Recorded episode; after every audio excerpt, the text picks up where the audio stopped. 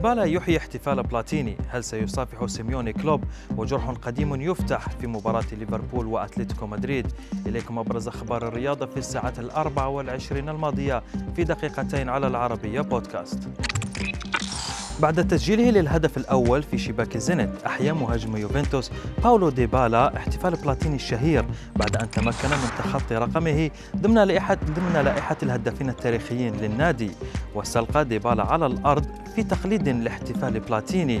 عام 85 أمام أرجنتينيوس جونيورز في كأس الانتر كونتيننتال وأكد باولو بأن الاحتفال كان كنوع من التكريم لبلاتيني.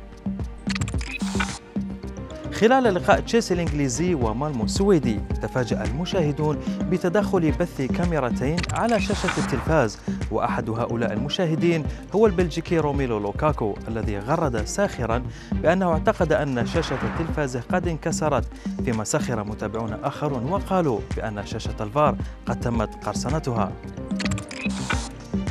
ستكون الأنظار موجهة نحو سيميوني بعدما رفض المدرب الأرجنتيني مصافحة كلوب قبل أسبوعين وحدثت ضجة كبيرة بسبب موقف المدرب الأرجنتيني الذي أقر خلال المؤتمر الصحفي للمباراة بأنه لا يحب المجاملات وليس مقتنعا بهذا البروتوكول ويشعر بأنه تصرف باطل فيما أكد كلوب أنه تجاوز تلك الواقعة ولا توجد أي مشكلة بينه وبين سيميوني.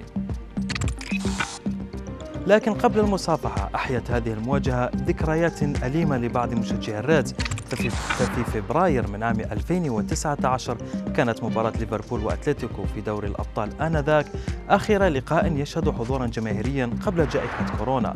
وتسبب فتح الأبواب للجماهير في وفاة 37 شخصا وإصابة أكثر من 3000 شخص. ولا يزال أهالي الضحايا يتساءلون من سمح بحضور الجماهير.